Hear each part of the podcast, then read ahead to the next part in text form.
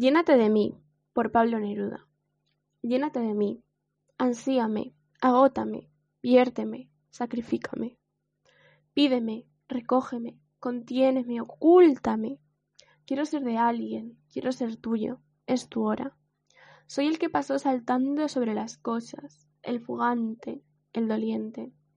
Pero siento tu hora, la hora de que mi vida gotee sobre tu alma, la hora de las ternuras que no derrame nunca, la hora de los silencios que no tienen palabras, tu hora, alba de sangre que me nutrió de angustias, tu hora, medianoche que me fue solitaria.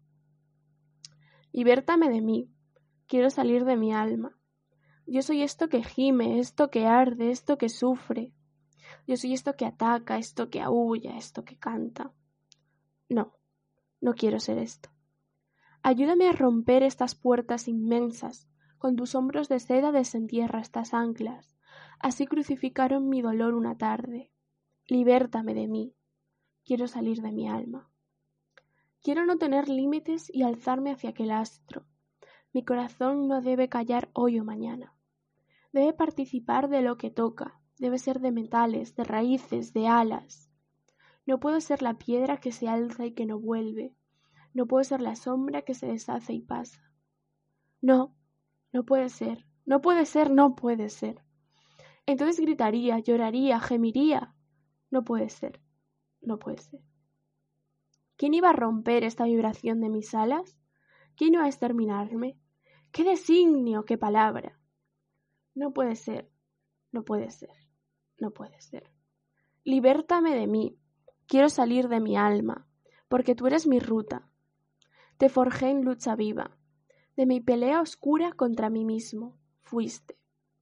Tienes de mí ese sello de avidez no saciada. Desde que yo los miro, tus ojos están más tristes. Vamos juntos, rompamos este camino juntos. Seré la ruta tuya. Pasa, déjame irme.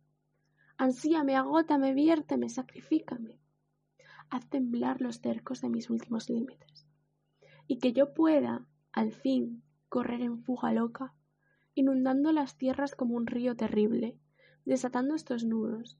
Ah, Dios mío, estos nudos, destrozando, quemando, arrasando, como una lava loca lo que existe, correr fuera de mí mismo, perdidamente, libre de mí, furiosamente libre, irme, Dios mío, irme,